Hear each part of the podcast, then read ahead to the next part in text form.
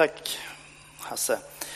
Ehm, ja, jag missade att säga det innan och för er som har kommit så heter jag Henrik Forselius. Jag är ordförande i kyrkan. Vi har delat upp oss. Vi har en församlingsledning och så har vi en, en styrelse. Ehm, och jag vikarierar idag och ska predika. Ehm, och jag kommer att prata om något som är otroligt intressant. Sanning. Eh, rubriken på, på den här gudstjänsten idag och på predikan heter Sanningens väg. Eh, jag är ingen teolog, så att, eh, jag kommer inte att försöka göra någon stor utgrundning om, om eh, gamla begrepp i Bibeln, utan jag kommer att dela mina tankar som såklart bygger på det jag har läst i Bibeln och lärt mig. Eh, men också en hel del om vad jag bara upplever och vad, vad jag tycker att Gud pratar med mig om. Och även om temat är sanning så vill jag vara väldigt tydlig med att, att jag, jag inte har sanningen. Och jag eh, gör inget anspråk på att försöka ha sanningen på det sättet. Ehm, jag har en personlig uppfattning och den kommer jag dela med er idag. Och jag har gjort ett ställningstagande. Och om jag har ett anspråk så, så är det på er. Att ni också har en uppfattning. Att man inte är likgiltig till sanningen. För det här handlar om liv eller död. Ehm, en så här ganska tuff inledning så ni ska vakna till här. Då. Ehm, dagens bibeltext är från Johannes 14, 1 1-14. Känn ingen oro. Tro på Gud och tro på mig. I min faders hus finns många rum. Skulle jag annars säga att jag går bort för att bereda plats för er? Och om jag nu går bort och bereder plats för er så ska jag komma tillbaka och hämta er till mig för att ni också ska vara där jag är. Och vägen dit jag går, den känner ni. Thomas sa, Herre, vi vet inte vart du går. Hur kan vi då känna vägen? Jesus svarar, jag är vägen, sanningen och livet. Ingen kommer till Fadern utom genom mig. Om ni har lärt känna mig så ska ni också lära känna min fader. Ni känner honom redan nu och ni har sett honom. Filippos sa, Herre visa oss Fadern. Det är nog för oss. Jesus svarade, så länge jag varit tillsammans med er eh, och ändå känner du mig inte, Filippos. Den som har sett mig har sett Fadern. Hur kan du då säga visa oss Fadern? Tror du inte att jag är i Fadern och Fadern i mig? Det ord jag säger er, de talar inte till, av mig själv. Fadern är i mig och utför sina gärningar. Tro mig när jag säger att jag är i Fadern och Fadern i mig. Eller tro åtminstone för gärningarnas skull. Sannerligen, jag säger er, den som tror på mig han ska utföra gärningar som jag och ännu större, ty jag går till Fadern. Och vad ni än ber om i mitt namn så ska jag göra så att Fadern blir förhärligad genom Sonen. Om ni ber något i mitt namn så ska jag göra det. Och det där är då hela texten, men vi kommer att kasta oss in i eh, Jag är vägen, sanningen och livet. För eh, det är ju ingen, inget litet anspråk som Jesus gör här, utan han säger ju att han är sanningen. Och det är det vi ska hålla oss, hålla oss vid. Och då kan man ju ställa sig frågan, ljög han då? Eller talade han sanning? Eller överdrev han lite grann? Det är en retorisk fråga, men då måste vi förhålla oss till vad menar vi egentligen med sanning? Vad är sanning för någonting? Finns det någonting som är sanning? Är det någon som vågar sig på en definition av sanning? Det här är ju ett sånt där ord som vi slänger oss med, men, men när man väl kommer till kritan, liksom vad sanningen är, så blir det ganska utmanande. Eh, det här finns det ju hyllmetrar om vad sanning är. Vi har ju en del i, i, i församlingen som forskar och där brukar man ju brottas med vad, vad sanning är. Har, har du någon definition?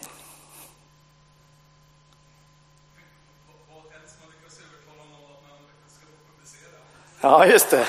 Så talar en äkta forskare. Vad helst man lyckas övertala någon att få publicera. Det är bra. Jag tänkte att vi skulle våga oss in på en definition som i vårt eget språk, sanning, från Svenska Akademin. Så ska se Lars om du kan visa den. Sanning, ett yttrande eller en tanke som överensstämmer med verkligheten. Ett yttrande eller en tanke som, som överensstämmer med verkligheten. Ja, det här det är någonting alltså som beskriver verkligheten som den faktiskt är. Och då leder man ju in sig till eh, en diskussion som, som man ofta har om sanningen är absolut, att det finns bara en sanning, eller om den är relativ.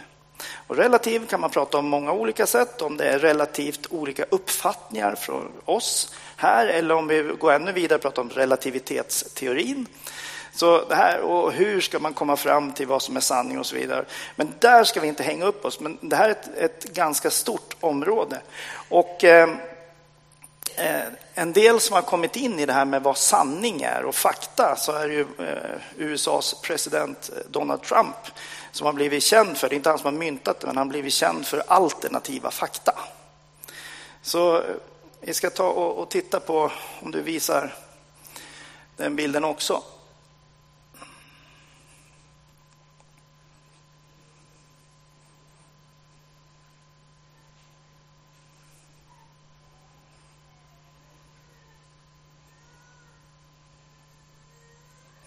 Där har vi den. Det här är från New York Times eh, webb där eh, en av deras kolumnister, eh, jag kan ge er alla källor och sånt där, så ni som är intresserade, har gjort en sammanställning av där man anser att Donald Trump inte har varit ärlig, han har inte talat sanning.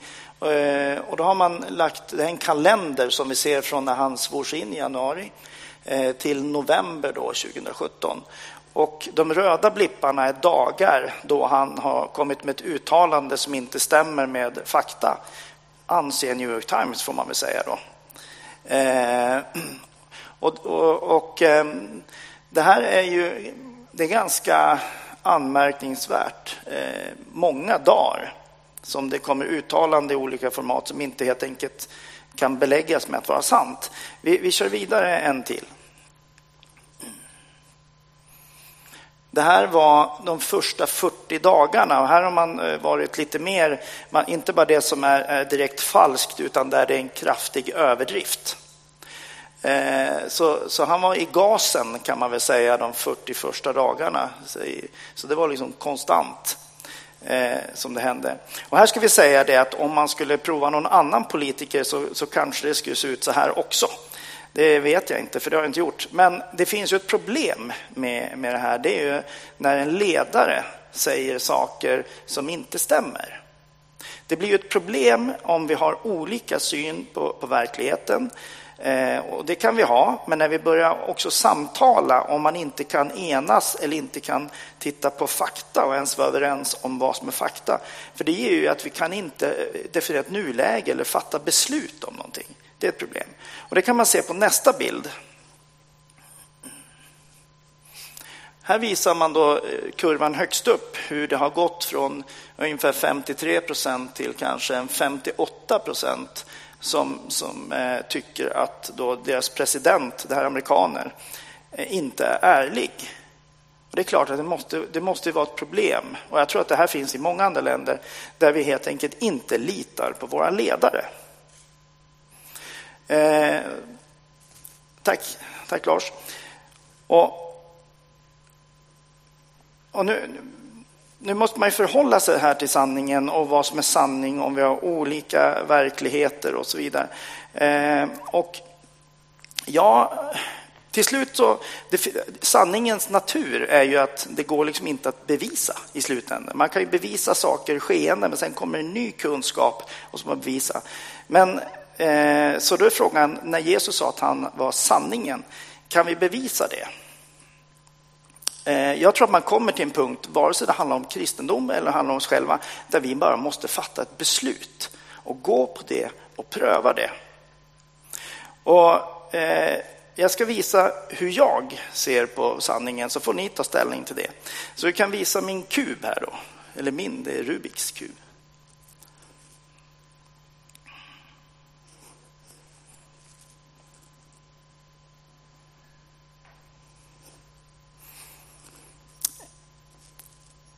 Jag tror att det finns en absolut sanning. Jag tror att det finns saker och ting som det är.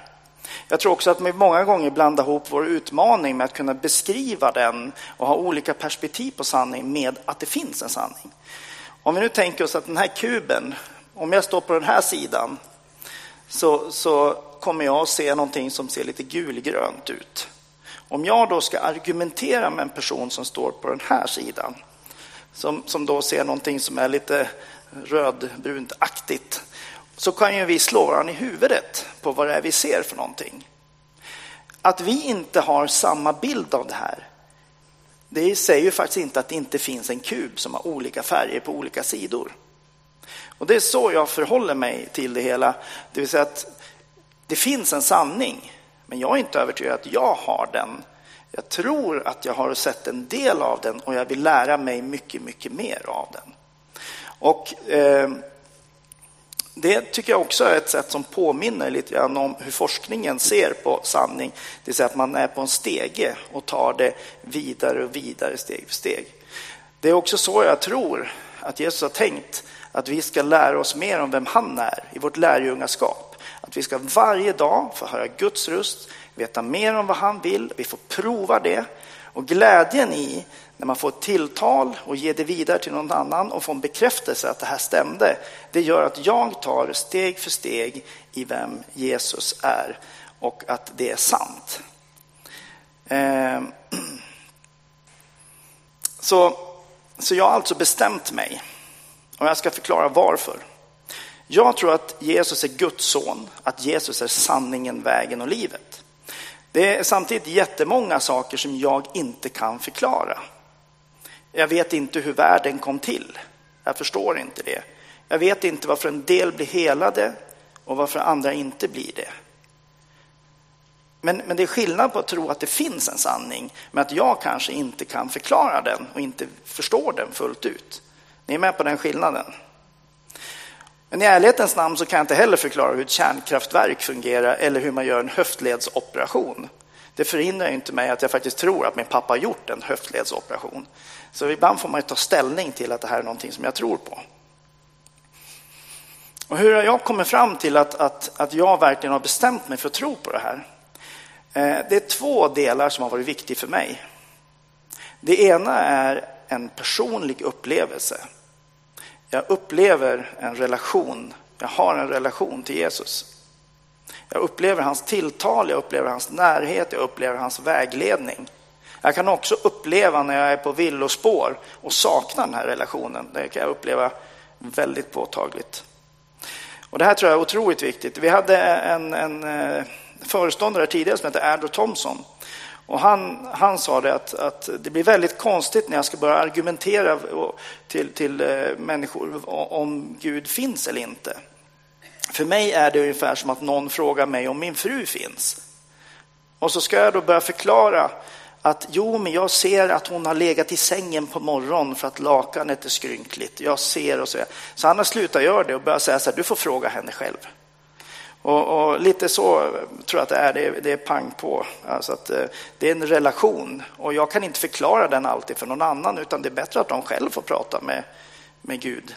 Be till dem och se vad han svarar till dem. Jag behöver inte lösa det. Men det finns också en annan sak i det här och det är logik. Det här är ju känsligt att säga då att det finns en logik i det här, men för mig finns det en logik.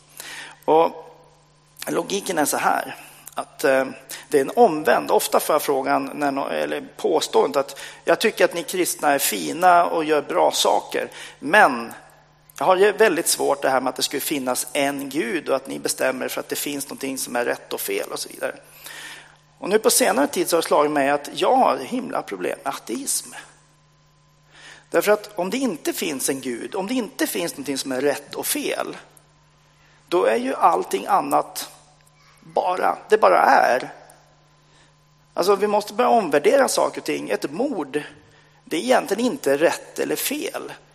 Det är bara inte okej okay därför att vi lagligen har kommit överens om det. Men att ta någon annans liv är egentligen kanske mest en naturlig reaktion för att jag ska kunna förse min familj med trygghet och så vidare. Det är som att vi bara är organismer som utvecklats. Finns det ingen kärna, ingenting som är rätt och fel, då är allt rätt. Det är bara det att vi kommer överens om från tid och annan vad som är fel och okej i det sammanhang vi befinner oss i. Och här gör hela mitt inre uppror. Jag är helt övertygad om att det finns rätt och fel. Jag är övertygad om att det inte är rätt att ta någon annan människas liv för min glädje eller för att jag ska få lite mer mat. Jag tror inte att det är rätt att begå en våldtäkt, att eh, göra ett folkmord för att min, eh, min folkgrupp ska få större plats. Det är helt enkelt inte rätt. Det är inte bara någonting som är inte okej okay för att vi just nu har kommit överens om det. Så jag tror att det finns en absolut sanning, någonting att hänga upp Men om man bestämmer sig för en absolut sanning, vi låter oss, jag ger inte tillfället att argumentera nu, utan vi bara bestämmer oss för att, att det är så, så behöver vi också ha en, en, en ödmjukhet. Vi måste ju då kunna förstå att det finns folk som ser på den här kuben på ett annat sätt. Och, och innan vi förkastar allting så behöver vi pröva det. Och det är också väldigt bibliskt. Vi behöver ha öppna sinnen, ta emot oss, förkasta inte de profetior eller förakta inga profetior men pröva allt. Och det är precis det vi behöver göra. Vi behöver matcha det med om vi känner att det här är rätt eller fel.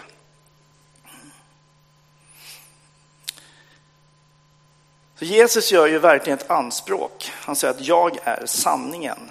Han, eh, han säger också att, eh, han säger ju sannerligen, det vill säga att han eh, är verkligen det som sker i verkligheten. Om vi, om vi nu stäm, för ihop det här då med Svenska Akademin, det är ju spännande att para ihop Jesus och Svenska Akademin. Så när han säger att jag är sanningen så säger han också att jag är den som överensstämmer med verkligheten. Och, och om vi förenklar det lite grann så säger han ju att jag är verkligheten. Det betyder ju att det som Jesus säger är verkligheten. Det är ett rättesnöre, någonting vi, vi kan hänga upp vår tillvaro mot, någonting vi kan bryta vårt liv emot och lära oss. Och det står inte där därför att det bara är någon författare, utan det står därför att det är den verklighet som vi är satta att leva i. Och det finns ju en bibelvariant som heter Handbok för livet och jag tycker att det blir väldigt tydligt vad det handlar om den rubriken när vi vet att Jesus är sanningen. Den absoluta sanningen. Och då kan man säga så här, men är sanningen alltid nyttig? Är den alltid bra? Jo, visserligen, men jag tror vi får skilja på sanning eh, som är Jesus sanning och sanning i form av en min sanna åsikt. Eh, om jag tar ett exempel här Eh, Hasse, eh, du som är en sanningssägare och vill verkligen stå upp som en sanningens riddare här. Du tycker att min skjorta, min superblommiga skjorta är väldigt ful. Eh, Så då är jag väldigt glad över att du vill berätta det för mig, för du vill ju stå upp för sanningen. Jag känner mig såklart lite kränkt över det och tycker att, att, eh, att Hasse inte bara är ohyfsad och otrevlig, utan jag tycker också nu att han har en ganska konstig frisyr.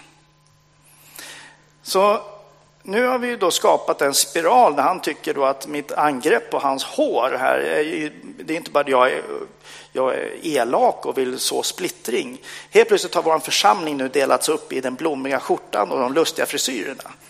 Och så vidare till splittring och sånt där. Och då kan jag säga att det här är inte Jesus väg. Det är inte den sanningen vi pratar om, det var en åsikt. Åsikten i sig är sann, men det som kommer från Gud, den sanningen, den bygger upp oss. Den vill gott. Den enar oss. Den gör att vi blir mer de vi är tänkta att vara. Inte att vi söker konflikt. Det är inte Guds sanning. Det var sant att du tyckte det, men det är inte det vi menar. Ehm, och ehm, jag tror att Precis som Jesus kom inte för att upphäva lagen, de regler som vi hade, budorden. Han, han kom till och med för att skärpa den. Men han förklarade den utifrån kärlek. Lagen var inte syftet, utan kärleken, Guds kärlek, att vi ska älska Gud först och sen de andra som vi själva. När vi sätter den perspektivet på budorden, då blir budorden inte ett regelverk som vi är slaviskt för, det blir mer värderingar som vi lever efter. Det blir inte jobbigt om vi först har kärleken. Det blir mer ett sätt som en kultur. Och på samma sätt tror jag att det är med sanningen. Eh, att sanningen bottnar i kärlek. Och det vi säger till varandra och de sanningar vi uttalar, de behöver vi se i ljuset från vårt hjärta. Vart kommer det någonstans ifrån? Så det finns en djupare dimension, det finns ett motiv bakom det hela. Och det är väldigt tydligt i Bibeln. Gud säger flera gånger under Gamla Testamentet att jag vill inte ha dina brännoffer eller jag vill inte ha dina böner om du inte har gjort upp med eh, dina ovänner. Vi kan ofta uppfatta Bibeln som väldigt lagisk, särskilt i Gamla Testamentet. Eh, men faktum är att han gång på gång säger det att strunta i det där om du inte har det andra. Och även Jesus retar ju gallfeber på etablissemanget genom att hela människor på sabbaten. Och han bröt mot flera regler eh, när han gjorde kärlekshandlingar. Så att sanningen kräver också ett rent motiv. Gud, vi människor dömer andra efter gärningar, men Gud kommer döma oss efter vårt hjärta. Så med motiv, då måste vi borra ner oss i den här sanningen. Vad är mina innersta motiv? Och jag vill ge ett, ett exempel på det. Ska jag få upp en, en bild här?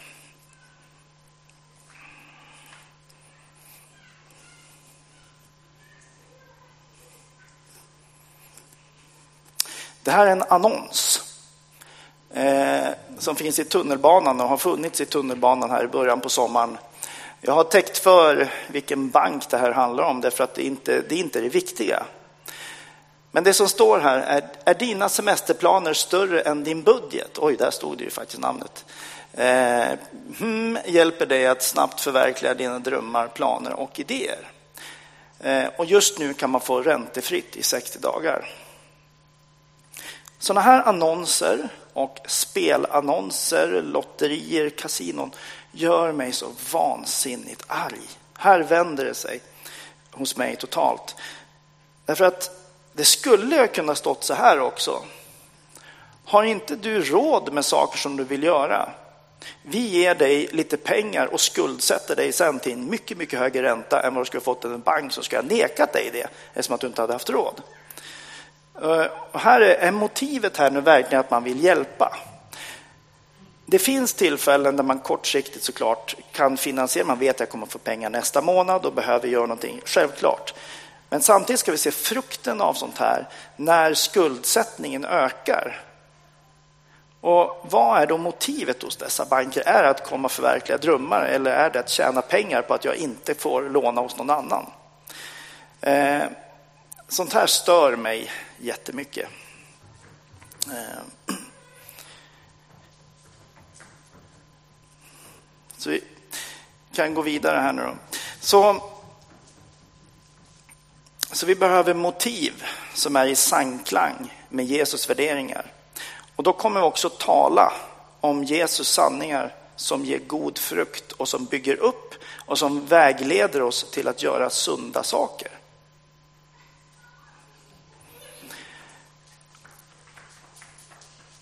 Men vad är Guds sanning då?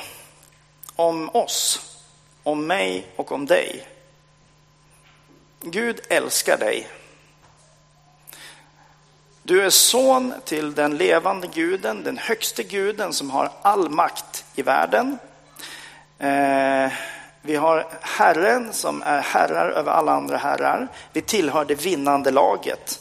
Och du har tillgång till den här makten du har tillgång till kraften. Om vi har en tro som är stor som ett senapskorn så kan vi förflytta berg. Du är inget misstag, utan du är här med ett syfte, precis som du är. Och du är här för att utbreda Guds rike på den här jorden. Det är sanningen om dig. Och det är du som du är skapad med dina egenheter som ska göra det på ditt sätt. Det är det som är sanningen. Du är utvald, du är skapad på det här sättet, du är underbar. Det är sanningen om dig, det är Guds sanning om dig. Och precis som det finns mörker där det finns ljus så finns det också lögn där det finns sanning. Vi har, vi har en fiende, helt enkelt, lögnens fader, som vill berätta att du inte alls är det här. Att du är den här personen som, som inte alls kan, kan komma lös och börja göra saker, för du bär på så mycket elände. Jag bär på mycket elände. Och det lögnen gör, att den tillåter att vi definierar hindren som en del av oss själva. Medan Jesus säger att du är fantastisk, det finns saker ibland som står i vägen mellan dig och mig. Låt oss göra oss av med dem. Fienden säger nej, nej, det där är du. Du kan inte göra av för du är så hopplös. Du har de här sakerna. Det är ingen idé. Det är lögnen. Men här kommer en nyckelvers när det gäller sanningen. Sanningen ska göra er fria. Och den här är dubbelbottnad, tror jag.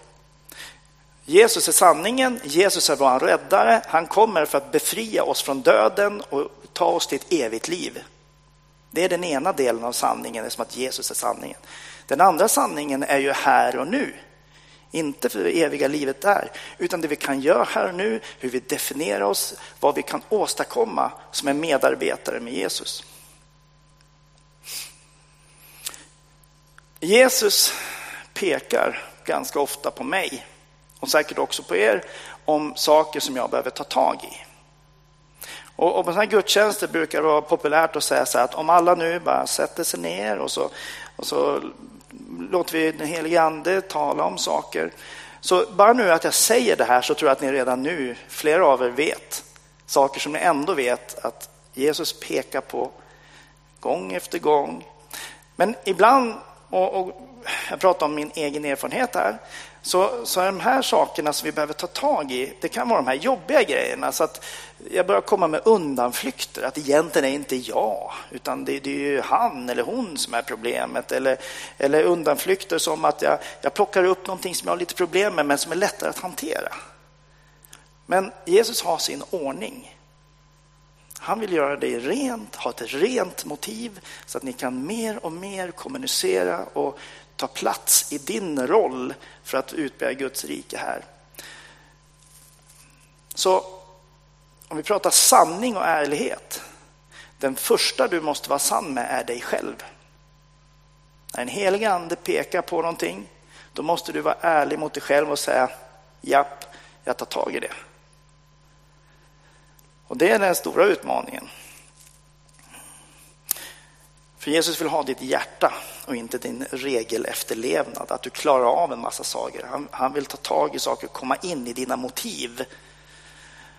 Mm. Och jag ska sluta här med att säga att sanningen är att Jesus inte vill att vi anstränger oss, för han har kommit med liv och liv i överflöd. Jesus är sanningen, vägen och livet sanningen om ett liv i överflöd, sanningen om frihet och sanningen om vem du är. Det är mitt statement och mitt anspråk så säger jag det var att ni ska ta ställning till det här och inte vara likgiltiga. För det går liksom inte, det är antingen eller.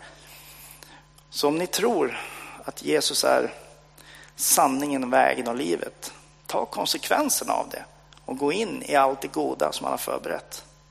I Jesu namn.